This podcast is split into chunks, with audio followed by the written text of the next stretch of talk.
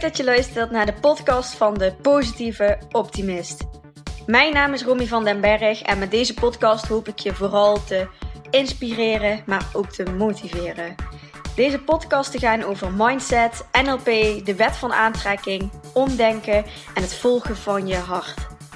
Mijn missie is om mensen meer te laten stralen en sprankelen en hopelijk brengt deze podcast je naar meer geluk. Dikke knuffel van mij en heel veel luisterplezier!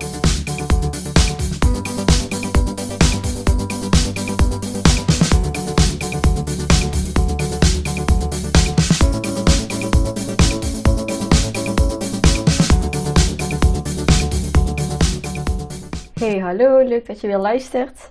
Ik uh, ben bezig met uh, uh, promoten van nog steeds mijn live event van 10 november aanstaande. De training Wie ben ik? Voor mensen die niet zo goed weten wat ze nou willen. Die misschien hoppen van, van baan naar baan. Of ja, bezig zijn met persoonlijke ontwikkeling. En ja, die vraag wel eens beantwoord zouden willen hebben. Van ja, wie ben ik nou precies? En wat wil ik? En ja, dus ik ben bezig met, met het promoten daarvan en ook eh, de voorbereidingen daarvan. En tussendoor kreeg ik een ehm, mooi berichtje op uh, mijn uh, Instagram pagina, een privéberichtje. En ja, ik besef me ook dat ik daar eigenlijk nog niet heel veel over gedeeld heb. Terwijl het echt wel een heel groot ding in mijn leven is geweest vooral. En dat gaat over ehm, misofonie enorme last hebben van eetgeluiden, smekken, kuchen, slikken, niezen, hoesten, hard ademen. Alle geluid, voor mij is het zo, alle geluiden die een ander mens eigenlijk uh, maakt. Ik heb daar bij mezelf geen last van.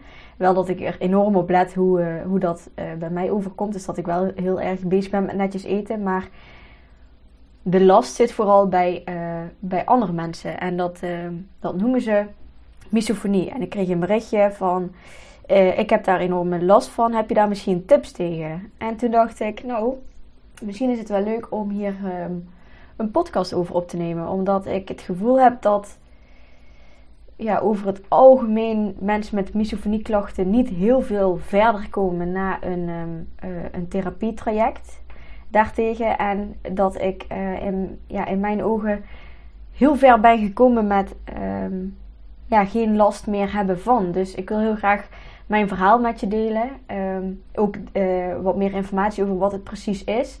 En uh, op het einde ook nog wat tips die ik je zou willen geven als jij last hebt van misofonieklachten. Ja, het is eigenlijk een, een angststoornis, een hersenaandoening. Uh, ze noemen het verschillende dingen. Maar misofonie betekent eigenlijk letterlijk haat voor geluid. En dan gaat het veel verder dan je alleen maar ergeren als iemand heel hard op onbeschoft aan het smekken is. Het is echt zo dat je er mee blijft zitten. Dat het woede, walging, haat of, of afschuw oproept. En ja, dat het echt uh, je leven uh, belemmert eigenlijk. Het kan echt een last worden in je, in je dagelijkse of wekelijkse leven. En um, als dat het geval is, dan denk ik dat het, uh, dat het goed is om ja, om daar eens in te duiken en om daar uh, iets aan te gaan doen. Ja, misofonie heeft ook een soort van uh, hyperfocus op, op die geluiden. Dus ondanks dat je ze niet wil horen, ben je continu bezig met ja, het opzoeken van die geluiden. Dus als ik in de trein zat en ik hoorde ergens iemand een appel eten, dan ging ik daar toch met mijn focus heen en wilde ik het liefst ook nog omdraaien om dan te zien welk mens dat geluid aan het produceren was. En ja, dat is echt zo'n uh, uh, specifiek iets wat mensen doen als ze last hebben van misofonie. Je hebt zo'n hyperfocus op geluiden. Als je aan tafel gaat, uh, bij mij was dat dan aan het gezin, dan wist ik dat er bepaalde geluiden gingen komen. En zodra ik dat geluid dan hoorde, dan zat ik gelijk in mijn emotie. Ja, werd ik helemaal kortademig, boos, geïrriteerd het is niet zo dat ik echt uh, fysiek boos werd, zeg maar. Dat ik echt met dingen ging, uh, ging slaan of uh, dat ging uiten. Maar het was vooral een innerlijke boosheid van... Ja, zoveel last hebben van die geluiden. En continu dus bekijken van wie is dit geluid nu aan het produceren. En kijken hoe mensen dat dan aan het doen zijn. En dat is echt die hyperfocus die je hebt, wat het eigenlijk dus alleen maar erger maakt, omdat je het echt aan het opzoeken bent. Nou, mijn verhaal, ik ehm, heb daar vanaf kinds af aan al last van. Ehm, maar in mijn puberteit werd het eigenlijk erger. En uiteindelijk zo erg dat ik mezelf erop betrapte dat ik extra sloom naar huis ging fietsen. Zodat ik misschien het avondeten zou missen met de rest van het gezin en alleen kon eten. Of uh, mijn vingers in mijn oren deed als ik in de woonkamer zat en sommigen aten nog een koekje of uh, wat chips bij de tv. Ja, vooral dat ik mezelf betrapte op dat ik aan het vluchten was voor situaties waar uh, die geluiden bij hoorden. En ja, op een gegeven moment werd dat zo erg dat ik eigenlijk niet meer wist wat ik met mezelf aan moest. En ja, het was zo'n innerlijke strijd met continu last hebben van. En van de andere kant de gedachtegang van stel je niet zo aan Romy, het zijn maar geluiden. En uh, ja, dat zorgde er gewoon voor dat ik op een gegeven moment gewoon echt vast zat. En uh, heb besloten om daarmee naar de huisarts te gaan om, uh, ja, om daar wat aan te gaan doen. En bij mij uit het vooral in geluiden van mijn gezin of mensen die ik al heel lang ken. Dus niet zozeer op vreemde mensen. Ik kon dus bijvoorbeeld ook gewoon werken in een frietent of naar een bioscoop gaan of in een restaurant zitten. Uh, maar vooral geluiden die ik herken, vond ik echt verschrikkelijk. Ik wist precies hoe mijn zusje of mijn moeder nieste. Hoe mijn vader smakte met het eten. Of Ehm, hoe iemand aan het kauwen was. Of hoe iemand zijn keel opschraapte. Of ik wist alles tot in het detail te vertellen. En ja, uiteindelijk kwam dan de dag dat ik zo geïrriteerd was dat ik ehm, ja, op een of andere manier uh, Google heb geopend. En ehm, ja, heb opgezocht van, uh, hebben meerdere mensen hier last van? En toen kwam ik dus op de term misofonie.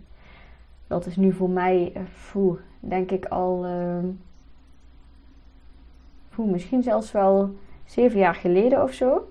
Ik weet het zo eigenlijk niet zo goed, heb ik nog niet uh, terug zitten zoeken. Ehm, maar alleen al lezen dat anderen hier last van hebben en dat het dus echt um, ja, een, een aandoening, een, een, een angststoornis uh, is, gaf mij een gevoel van rust en ook een gevoel van niet alleen zijn en raar zijn. Want zo voelde ik me wel de afgelopen jaren en eigenlijk als, als kind zijnde al.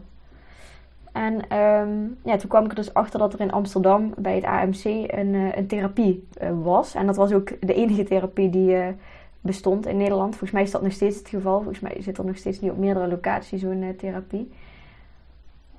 Maar ik was dus naar de huisarts gegaan en ik vond het achteraf ook wel opvallend dat hij op zijn verwijzingsbrief schreef: Is er emotioneel onder? En dat was ook zo. Als ik daarover praten dat ik daar zo'n last van had, dan werd ik ook uh, snel emotioneel. En waar de meeste mensen alleen maar woede herkennen, echt boosheid en frustratie, irritatie, walging. Ja, kan ik nu achteraf wel zien dat woede dat dat niet de basisemotie was, maar dat dat het, het, de gevolgemotie was van eigenlijk de onderliggende emotie. En dat was vooral heel groot verdriet. Ja, en op die AMC-therapie waar ik toen heen ging naar Amsterdam, twee uur enkel in de trein reizen. Het was een hele uh, ervaring voor mij als, uh, ja, volgens mij was ik toen 15 of 16.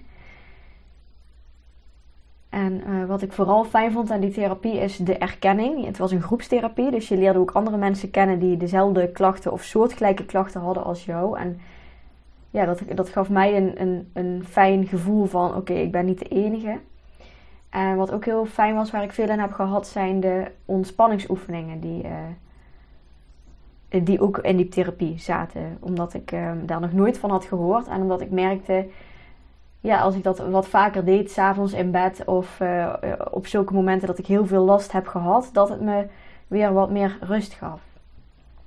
Maar goed, ik heb die therapie gevolgd en mijn klachten waren van 100% misschien naar 80% gegaan. En ja, ik had het, het gevoel dat ik er nog meer uit kon halen. En ik nam er geen genoegen mee met nog zoveel last hebben van uh, die misofonieklachten. En toen ben ik uiteindelijk terechtgekomen bij een eh, NLP-coach. En NLP is een studie die ik uh, later daarna zelf ook ben gaan volgen. Maar NLP houdt zich vooral bezig met waarom doen we wat we doen? En wat gebeurt er eigenlijk allemaal onbewust? Hoe heb je dingen opgeslagen in jouw systeem? En pas bij die NLP-coach ging ik echt uh, diep in, verder in op het ontstaan eigenlijk van die klachten. Van, goh, waar komt dat dan vandaan? En ja, ik was me daar niet bewust van, maar uh, door de vragen die die coach mij toen stelde, kreeg ik toch bepaalde uh, herinneringen, beelden in me op van een moment. En dat was voor mij een, een moment van een, een ruzie aan de, aan de eettafel. En um, ruzie met mijn moeder en mijn zus. En die zijn naar boven gelopen. En ja, op dat moment heb ik me heel, ja, een, een gevoel van onmacht gekregen. En ook ja, niets kunnen doen. En ook wel verdriet. En op dat moment dat, dat hun weg waren uit de kamer, was het heel stil aan tafel. En mijn broertje en zusje en mijn vader, die zeiden helemaal niets. Ik ook niet. En ja, het enige wat ik toen hoorde, was dus het geluid van etende mensen. En ja, uiteindelijk heb ik dus ehm, dat geluid van eten gekoppeld aan, ehm, ja, aan die gevoelens die ik toen in die situatie had. Dus ja, interessant hoe dat dan in jouw hersenen ehm, als een soort van combinatie bij elkaar komt. En dat dat uh, onbewust wordt opgeslagen in je lichaam. En continu als ik dus weer eetgeluiden hoorde, werd dat opnieuw getriggerd en kwam ik opnieuw in die uh, emotie terecht.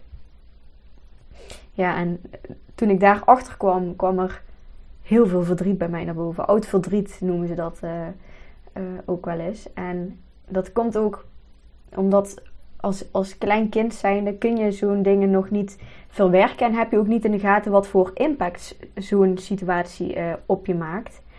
Uh, en als je, kijk, als je er nou als volwassene persoon naar kijkt, dan is dat helemaal geen traumatiserende gebeurtenis uh, geweest. En denk ik dat dat in elk gezin wel eens voorkomt.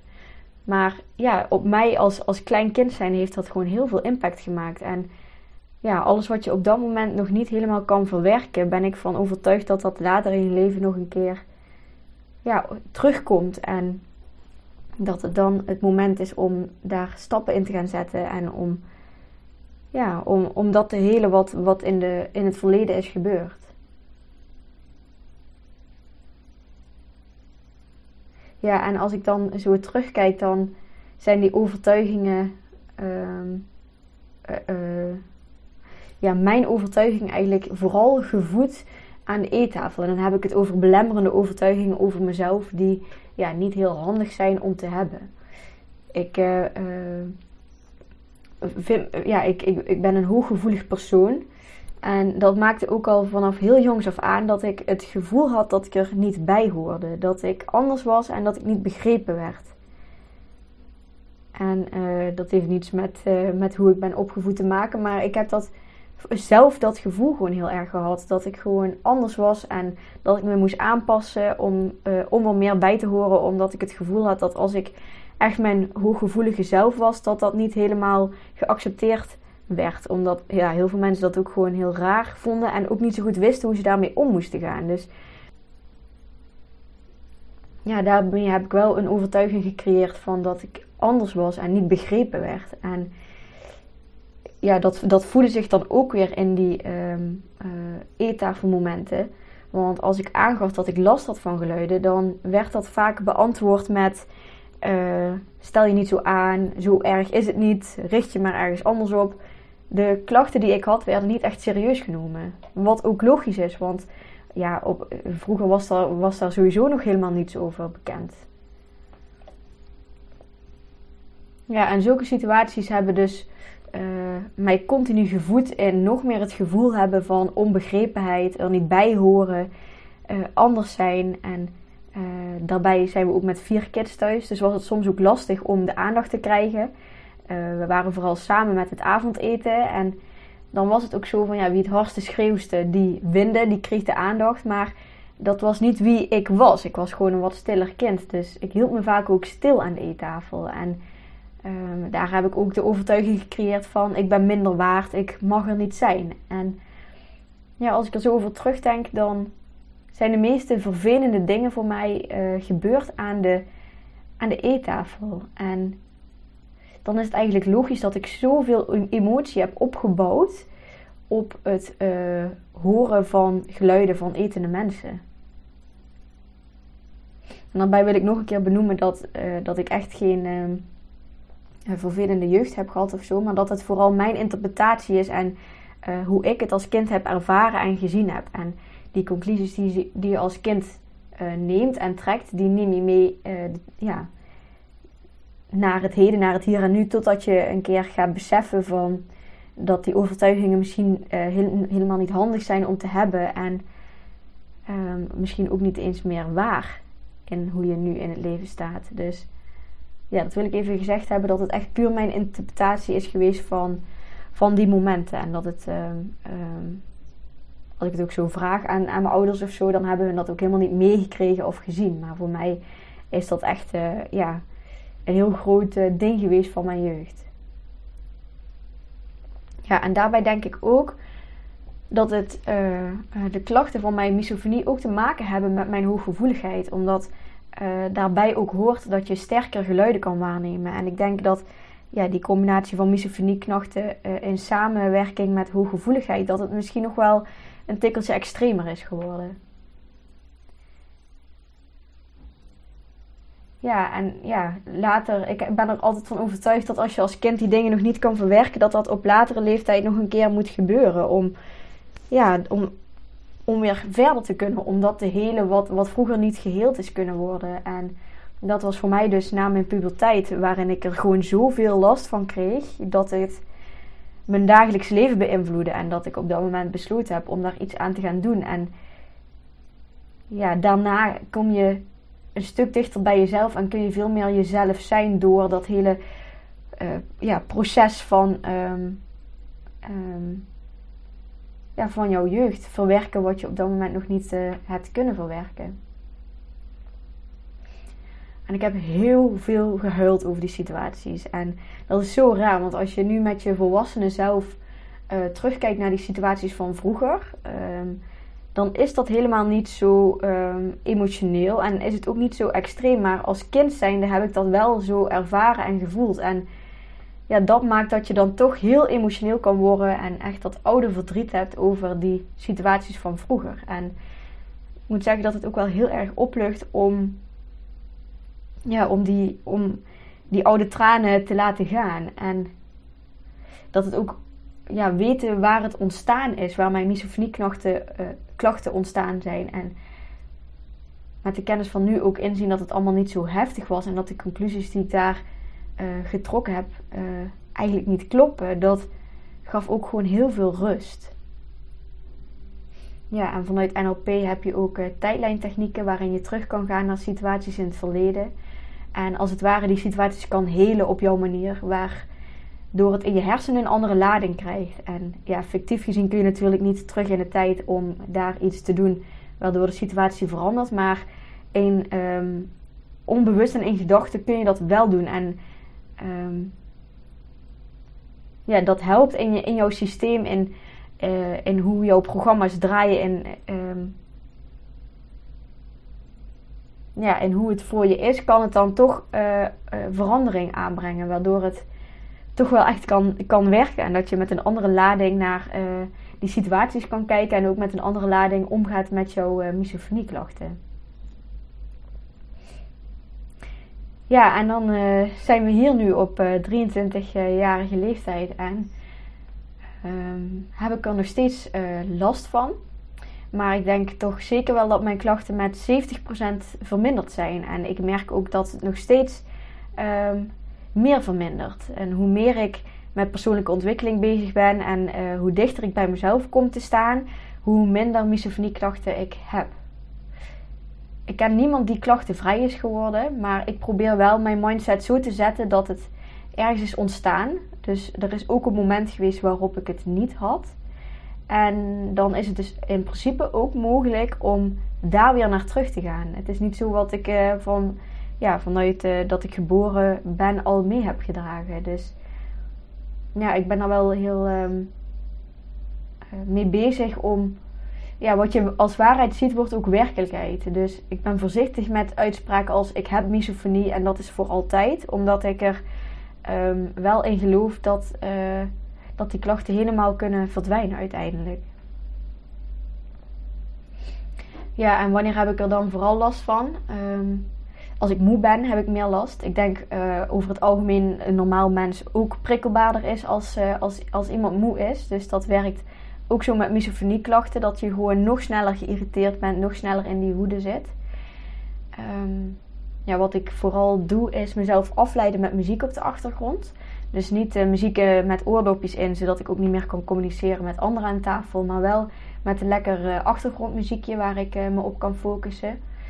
Ehm, als ik last heb, uh, kan het helpen door uh, te tellen in mijn hoofd. Uh, gewoon een minuut te tellen of te tellen hoe vaak ik kou of hoeveel stukjes pieper ik nog op mijn bord heb liggen of zulke soort dingen.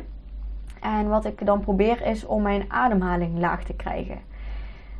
ik ben me er heel bewust van dat zodra ik die last heb van die misofoniegeluiden, dat mijn ademhaling gelijk, om, gelijk omhoog schiet. En ja, om die naar beneden te ademen, om meer een buikademhaling te krijgen, dat, dat geeft al ja, veel rust en um, ja, een soort van vrijer gevoel.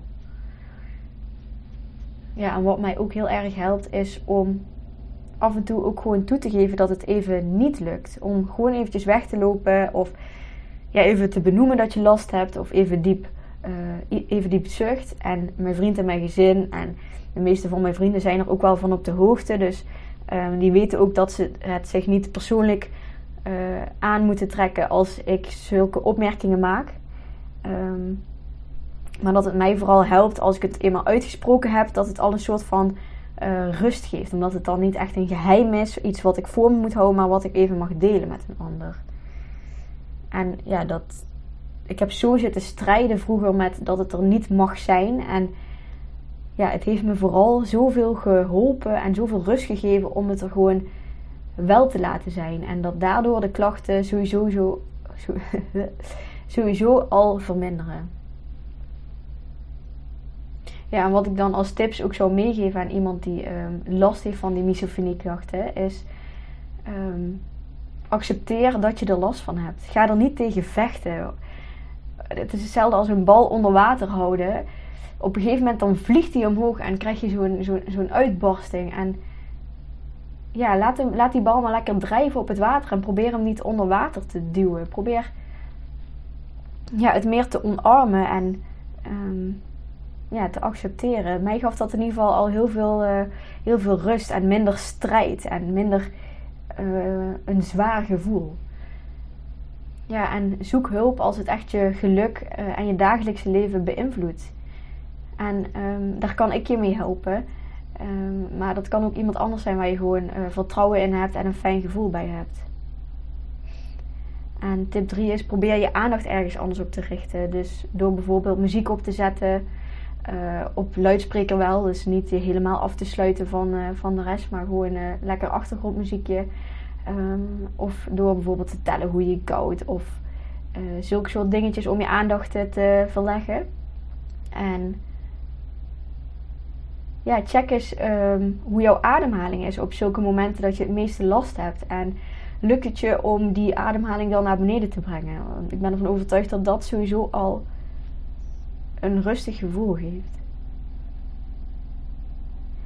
En ja, geef ook vooral aan dat je er last van hebt. Praat er met anderen over, zodat je, ze jou ook beter begrijpen en rekening met je kunnen houden. En dat is ook wel het fijne in mijn situatie. Ik woon nu samen met mijn vriend en mijn vriend weet dat ik er last van heb. Uh, hij weet ook dat ik af en toe even een snel opmerking naar hem maak, maar dat dat niet persoonlijk bedoeld is, maar dat het voor mij gewoon relativerend is om dat op dat moment even te uiten. En ja, weten dat iemand rekening met je houdt, ondanks dat ik natuurlijk alsnog geluiden hoor, want die geluiden die. Uh, ze kunnen nog zo hun best doen, ik hoor altijd geluiden, maar weten dat iemand rekening met je houdt en um, ja, dat geeft mij dan meer het gevoel van um, er niet alleen voor staan en ja, dat anderen uh, begrip voor me hebben. Ja, en als laatste, heb gewoon af en toe een slechte dag. En vind het dan ook gewoon oké om um, wel even in de vermijdmodus uh, te stappen. Ja, wees niet te streng voor jezelf en laat het even zo zijn zoals het is. En ben daar oké mee. Uh, ja.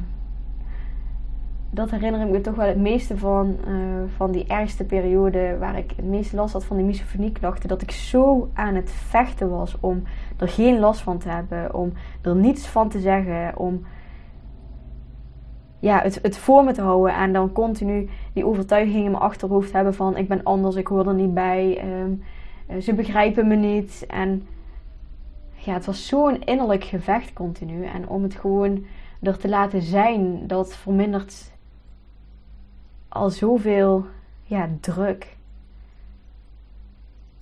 Dus dat is denk ik toch wel mijn nummer één tip. Om het gewoon niet. Uh, ja, denk niet aan de roze olifant. Dan, dan, dan gaat het juist zoveel meer ehm, eh, in je gedachten komen. Dus laat het er maar gewoon zijn. En merk op dat het dan al ehm, ja, wat minder er hoeft te zijn. Ja, en zoek gewoon hulp als het, uh, als het echt uh, je dagelijkse leven beïnvloedt. En ik zou je daar heel graag mee willen helpen.